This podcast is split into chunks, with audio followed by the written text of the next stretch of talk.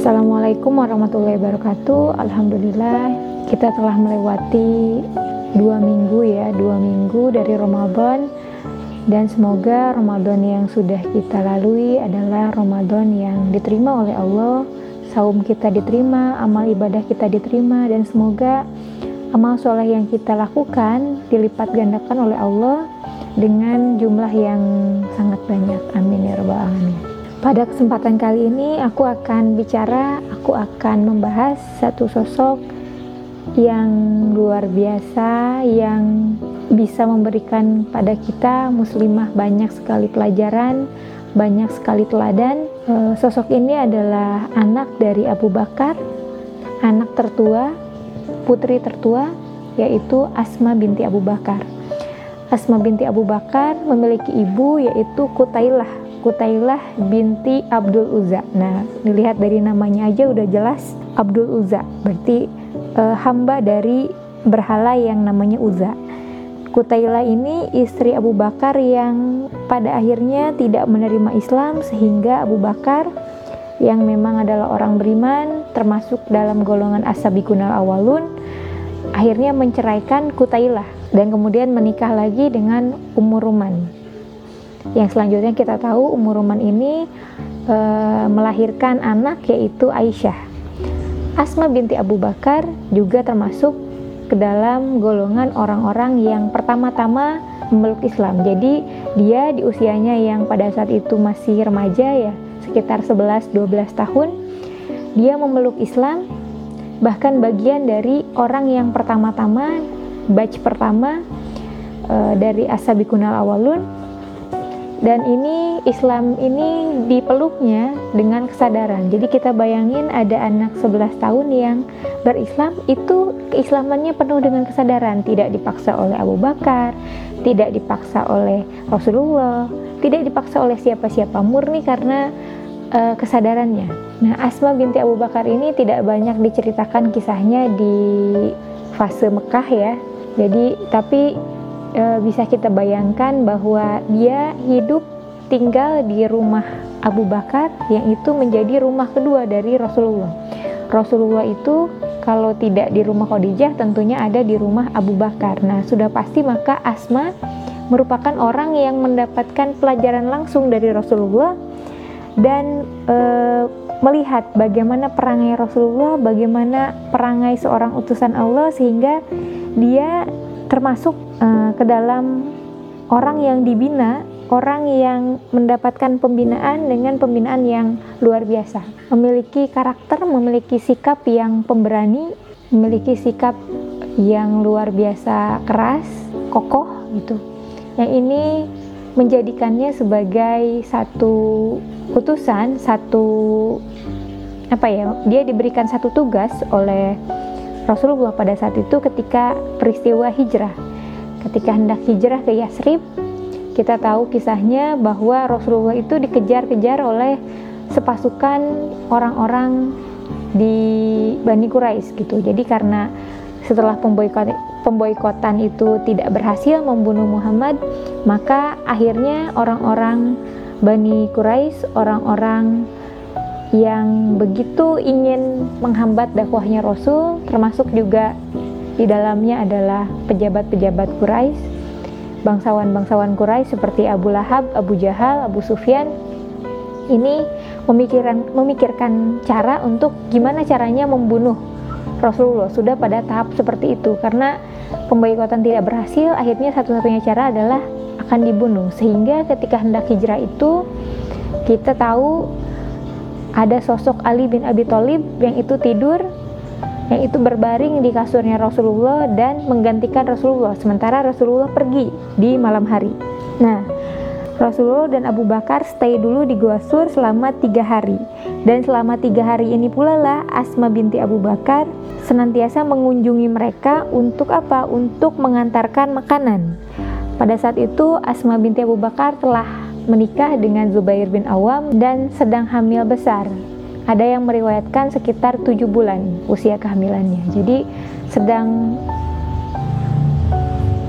hamil dengan kehamilan yang besar sudah sudah apa ya sudah berat ya gitu sudah berat perutnya sudah membesar uh, dan tentu saja kalau kita sebagai perempuan apalagi yang sudah uh, hamil sudah pernah hamil tentunya bisa membayangkan gimana sih kita yang lagi hamil 7 bulan disuruh untuk melakukan operasi rahasia yaitu mengantarkan makanan kepada Rasulullah dan Abu Bakar di Gua Sur. Di mana ini tentu saja tugas yang berbahaya tugas yang sulit uh, karena pasti mata-matanya orang Quraisy sudah berjaga di mana-mana, terus pasukan-pasukan pengintai juga ada di mana-mana, dan Asma harus melakukan tugas ini, mengantarkan makanan dengan keadaan perutnya yang sedang besar. Yang kita mah ya kalau orang hamil mau duduk aja dari duduk mau berdiri aja susah gitu ya dengan kondisi hamil yang besar seperti itu. Nah, Asma melakukan tugasnya untuk mengantarkan makanan setiap pagi dan petang. Nah, dia membawanya dengan uh, secarik atau sehelai uh, kain. Pada saat itu karena tidak ada tali gitu ya, maka beliau membagi dua kain yang dia punya lalu menyelempangkannya membawa si makanan ini dengan uh, mengikatnya dengan kain yang sudah dia bagi dua tadi gitu kain yang dia punya kain selendang yang dia punya Nah, pada saat itu ketika sudah sampai di Gua Sur, Rasulullah melihatnya, melihat bahwa selendangnya sudah terbagi dua untuk apa ya? Untuk e, gimana caranya bisa membawa makanan ini bahkan dalam kondisinya yang hamil besar. Maka Rasulullah bersabda pada saat itu, "Wahai Asma, sesungguhnya Allah akan menggantikan selendangmu ini di surga." Allah akan menggantikan selendang yang sudah terbelah dua ini dan menggantinya dengan dua selendang di surga kata Rasulullah. Jadi Rasulullah sudah mengabarkan bukan saja dia memiliki selendang surga, tapi artinya bahwa Asma adalah termasuk dari orang-orang yang sudah dijanjikan masuk surga. Masya Allah. Nah, Asma kemudian diberi gelar atau dikenal oleh Muslim pada saat itu sebagai Zatun Nitokoin, perempuan dengan dua selendang. Nah, jadi ini adalah gelar yang menjadi kebanggaan dari Asma binti Abu Bakar. Asma kemudian turun lagi gitu ya, kembali lagi ke, ke rumahnya di Mekah dan ini kalau dilihat jaraknya sekitar kurang lebih 2 mil dari Mekah. Jadi lumayan jarak yang lumayan jauh kalau teman-teman pernah pergi haji, pernah pergi umroh dan sempat mendatangi Gua Sur, di sana juga ada yang namanya jalan yang diberi nama Zatun Nitokoin. Konon itu adalah rute yang ditempuh oleh Asma ketika hendak mengantarkan makanan kepada Rasulullah dan Abu Bakar. Nah, jadi kalau ada kesempatan, ada rezeki, bisa umroh atau haji ke sana, coba sempatkan untuk pergi ke jalan ini ya. Nah, oke, okay, kita balik lagi. Nah, Asma yang kemudian kembali ke rumah, kemudian menyadari bahwa ketika dia di rumahnya ada seseorang yang datang dan yang datang ini tidak lain tidak bukan adalah Abu Jahal. Sosok pemimpin yang kasar, sosok pemimpin yang pada saat itu sudah mengeluarkan ultimatum untuk assassinate ya untuk mengeluarkan eksekusi kepada Muhammad. Artinya dia sudah pada tahap di mana dia tidak akan bersabar lagi. Dia sudah di tahap di mana dia akan e, membunuh siapa saja yang menghalanginya gitu. Jadi kita bayangkan sosok pemimpin yang begitu ganas gahar datang ke, ke rumahnya Abu Bakar mendatangi Asma pada saat pada saat itu dan kemudian bertanya kepada Asma, wahai Asma, ke mana ayahmu? Ke mana Rasulullah? Gitu ya. Ke mana ayahmu dan ke mana Rasulullah? Di mana mereka bersembunyi? Begitu kata Abu Jahal. Asma yang pada saat itu tengah mengandung besar dan didatangi oleh laki-laki yang gahar gitu ya dia tidak gentar. Dia tetap e, berdiam diri tetap tidak membuka mulut dan dia bilang saya tidak akan ngomong apa-apa. Saya nggak akan ngomong apa pun sama kamu katanya gitu Nah, lalu Abu Jahal mengulang lagi pertanyaannya. Kamu yakin? Kamu gak akan ngomong di mana ayahmu dan Rasulullah? Di mana mereka? Kata Abu Jahal. Nah, kali ini dia juga tidak bergeming, tetap menutup mulutnya sampai kemudian Abu Jahal yang tinggi besar, yang kokoh badannya, yang gagah badannya menampar Asma di mukanya hingga kemudian dalam satu riwayat dikatakan anting-antingnya sampai jatuh dan mengeluarkan darah si kupingnya itu. Betapa kerasnya tamparan itu yang sampai Asma seumur hidupnya tidak bisa melupakan kejadian itu. Nah, kemudian e, Abu Jahal bertanya lagi, sekarang kamu bakal ngomong apa enggak? Kata Abu Jahal. Nah, di sini Asma tetap pada pendiriannya, dia sangat pemberani dan juga sangat e, tangguh. Ini digambarkan di momen ini, di mana setelah selesai ditampar oleh Abu Jahal, Asma tetap tidak ngomong apa-apa. Dia bilang dengan tegasnya kepada Abu Jahal, "Aku tidak akan bicara apa pun. Kamu mau ngomongin aku apa aja, kamu mau nampar aku kayak gimana aja, aku tidak akan ngomong apa pun." Begitu kata Asma. Sehingga Abu Jahal pergi dari rumah Abu Bakar tanpa mengucapkan satu kata apa pun. Karena bingung mau gimana lagi gitu ya. Pakai kekerasan Asma pun nggak mau ngomong. Akhirnya Abu Jahal pergi dan tidak lama berselang dari situ Abu Kuhafah yaitu kakeknya yang pada saat itu belum beriman datang. Dia mendengarkan kabar bahwa e, cucunya Asma itu didatangin sama Abu Jahal terus ditinggalkan oleh Abu Bakar ditinggalkan oleh Rasulullah untuk hijrah dan dia mendapati banyak kesulitan. Maka Abu Kuafah datang kepada Asma kemudian berkata, laki-laki macam apa yang membuat kamu begitu menderita? Kata Abu Kuafah, kata kakeknya. Bagaimana mungkin seorang ayah meninggalkan putrinya tanpa sesuatu apa pun? Kamu udah disiksa, kamu bahkan ditampar sama Abu Jahal dan bahkan kamu tidak e, diberikan apa-apa. Kamu tidak dikantongi apa-apa, kamu tidak diberikan bekal di rumah ketika mereka pergi, iya kan? kata Abu Kuhafa. Nah, maka Asma yang pada saat itu ingin menentam, menentramkan, ingin membuat hati Kuhafah tenang, berkata, Enggak kok kakek, ayah itu memberikan kita sangat banyak, lebih dari cukup.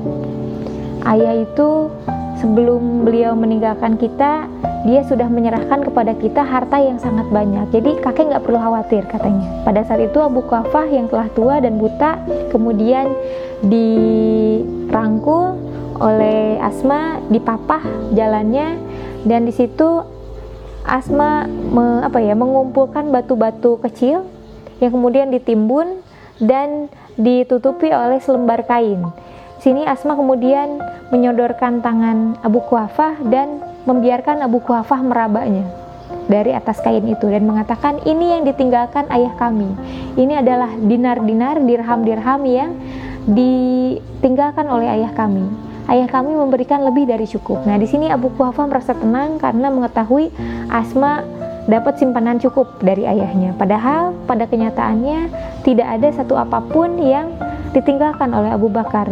Benar-benar Asma itu ditinggalkan ya hanya dengan mengandalkan Allah saja gitu. Jadi betul yang disebut oleh Asma ketika mengatakan e, Abu Bakar telah meninggalkan kepada kami sesuatu yang sangat banyak ya karena memang keimanannya dengan dia ditemani oleh Allah saja itu merupakan suatu hal yang lebih dari cukup.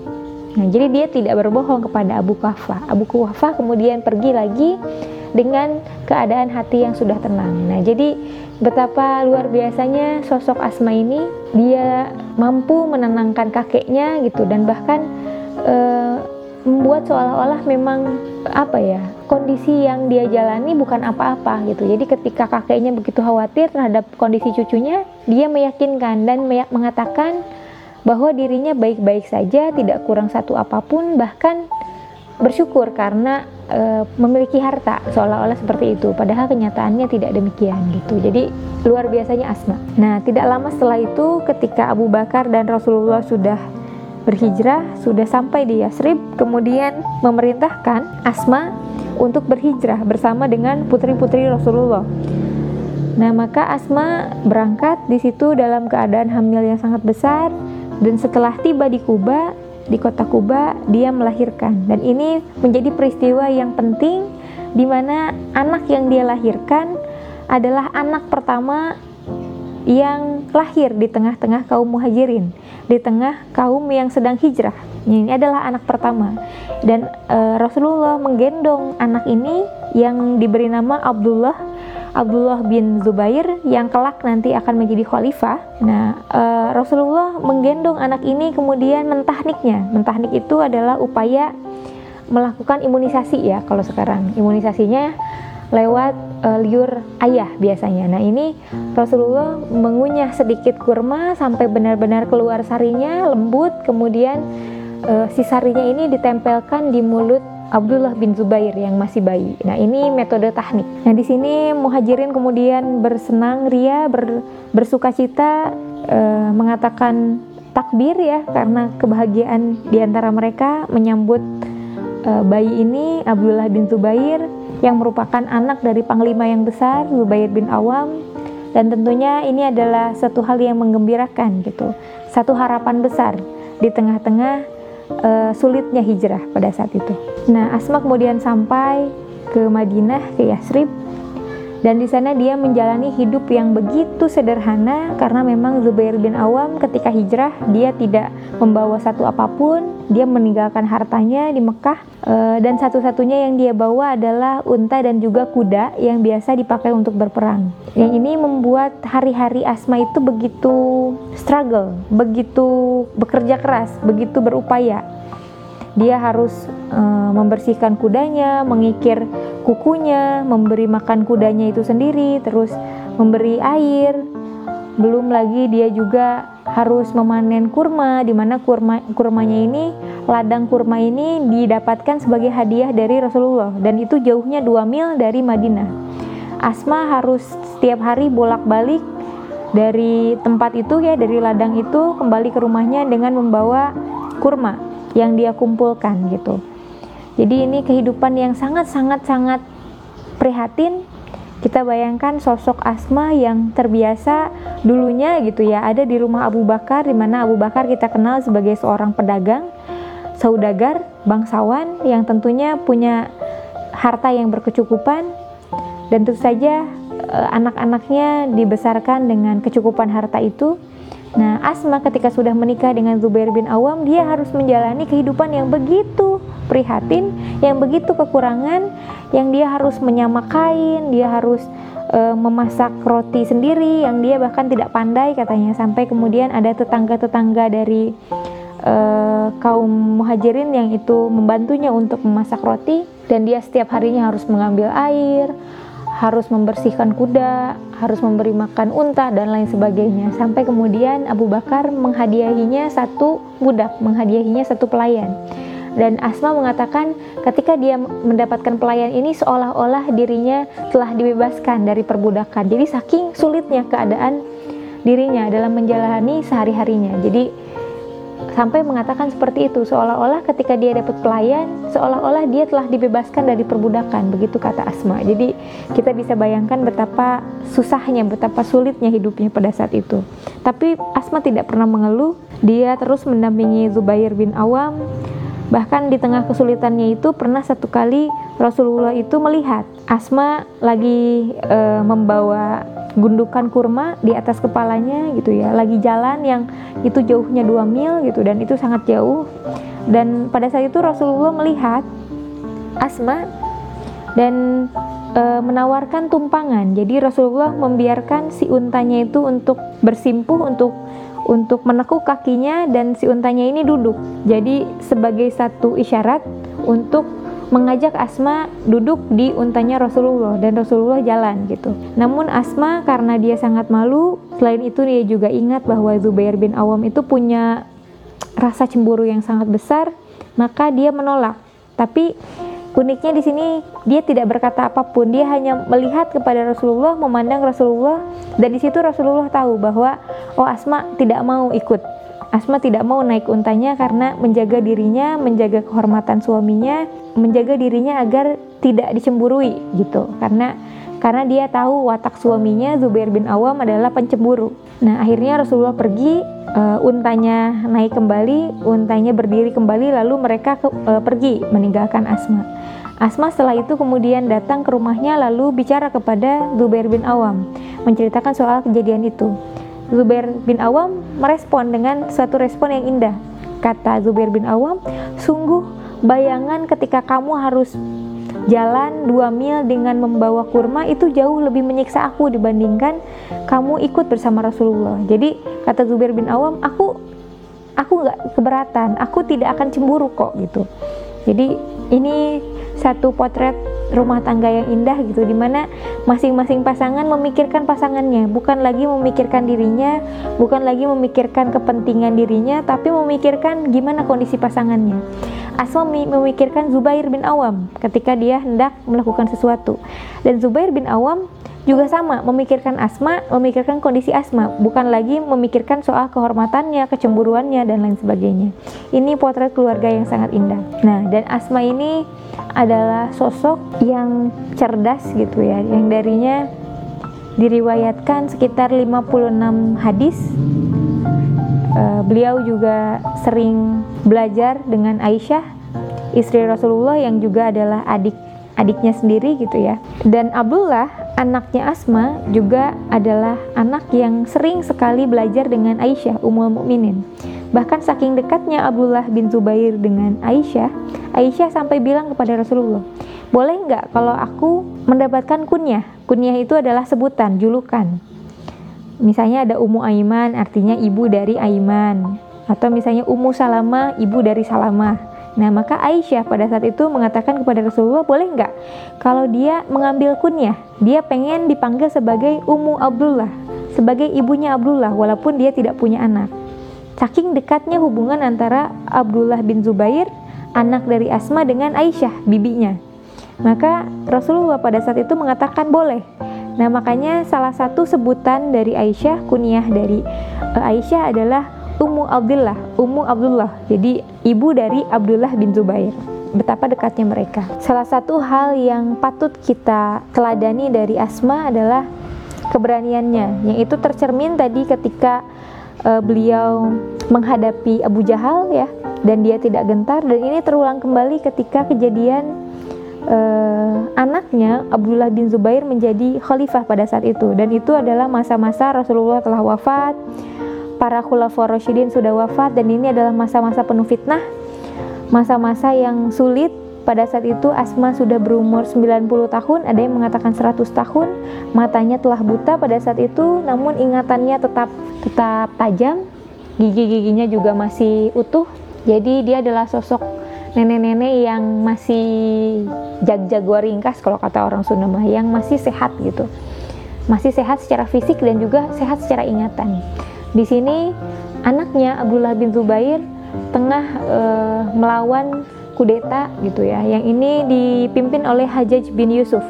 Ini dikenal sebagai panglima yang begitu kejam, yang tidak berperikmanusiaan dan mereka tahu gitu ya. Keduanya tahu bahwa ketika menghadapi Hajjaj bin Yusuf sangat sedikit sekali kemungkinannya untuk selamat. Jadi sudah pasti akan terbunuh begitu ya. Makanya akhirnya Abdullah bin Zubair mendatangi ibunya lalu berkonsultasi.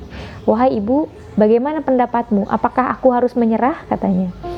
Menyerah kepada orang-orang yang mengkudetanya itu Hajjaj bin Yusuf atau aku harus tetap berjuang walaupun aku tahu konsekuensinya. Nah, maka Asma pada saat itu mengatakan kepada Abdullah, "Wahai anakku, sesungguhnya kematian yang terhormat itu lebih baik jauh-jauh lebih baik dibandingkan kamu hidup dengan damai tapi dalam keadaan terhina. Jadi tidak usah ragu kata Asma. Pergilah kamu, berjuanglah sampai titik darah penghabisan. Apa yang kamu takutkan? kata Asma kepada anaknya. Anaknya Abdullah mengatakan, Aku takut nanti mereka akan memutilasi tubuhku, mereka akan mencincang tubuhku, akan membagi-bagi tubuhku, dan ini sesuatu yang mengerikan gitu kata Abdullah. Nah, Asma meresponnya dengan satu kalimat yang sederhana. Kata Asma, domba yang itu sudah mati, dia tidak akan merasakan kesakitan ketika dikuliti. Artinya mau mau digimanain juga badan kamu itu nggak jadi soal kata Asma. Karena setelah kamu mati kamu tidak akan merasakannya. Maka pergilah kamu berjuanglah kata Asma.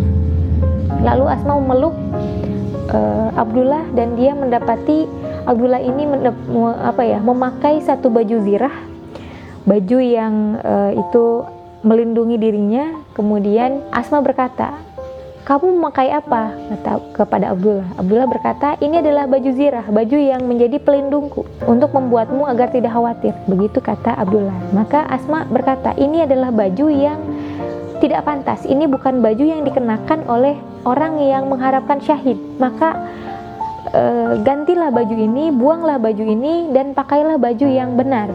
Pakailah baju yang rapat, yang itu tidak akan menampakkan auratmu kalaupun nanti engkau syahid begitu kata Asma jadi akhirnya Abdullah e, menanggalkan baju zirahnya mengenakan pakaian biasa mengenakan pakaian dengan e, apa ya pakaian yang rapat yang ini mengantisipasi mengantisipasi kalau-kalau dia tubuhnya terjadi sesuatu diapain gitu ya sama Hajjaj maka auratnya tidak akan terlihat.